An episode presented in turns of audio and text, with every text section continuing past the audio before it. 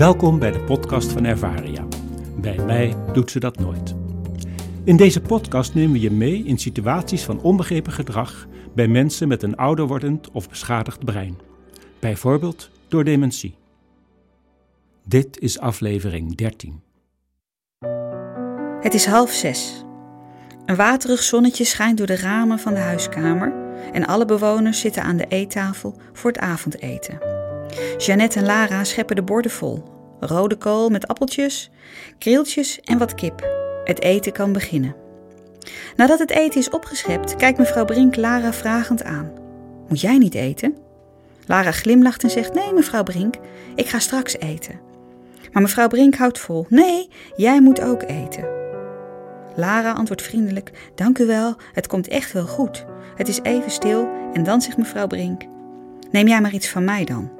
Ook mevrouw Kolkman begint zich te roeren. Kind, je moet wel eten hoor.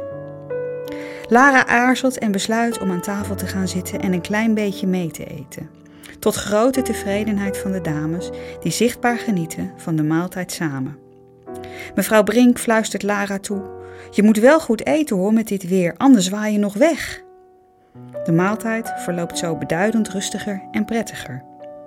En sindsdien besluiten Lara en haar collega's tijdens het eten altijd aan tafel te gaan zitten en een klein beetje mee te eten.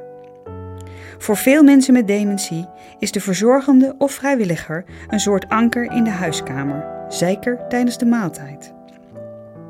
Als diegene niet eet, dan kan dat voor mensen met dementie de reden zijn om te wachten met eten of het eten zelfs aan te bieden. Het rondlopen van de verzorgende of vrijwilliger, bijvoorbeeld bij het opscheppen of afruimen, kan bovendien zoveel prikkeling veroorzaken dat dit afleidt. En hierdoor staan bewoners soms op en gaan achter de medewerker aan.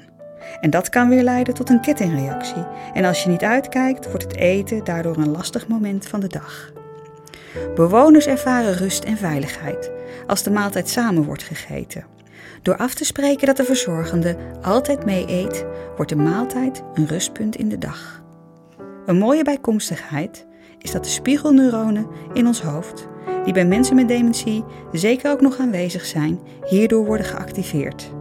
Het spreekwoord zien eten, doet eten wordt zo een alledaagse werkelijkheid.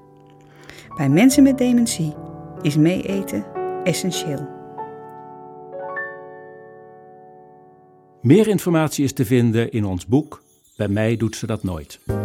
Je kunt ook de website www.ervaria.nl bezoeken of mailen naar info.ervaria.nl. Bedankt voor het luisteren.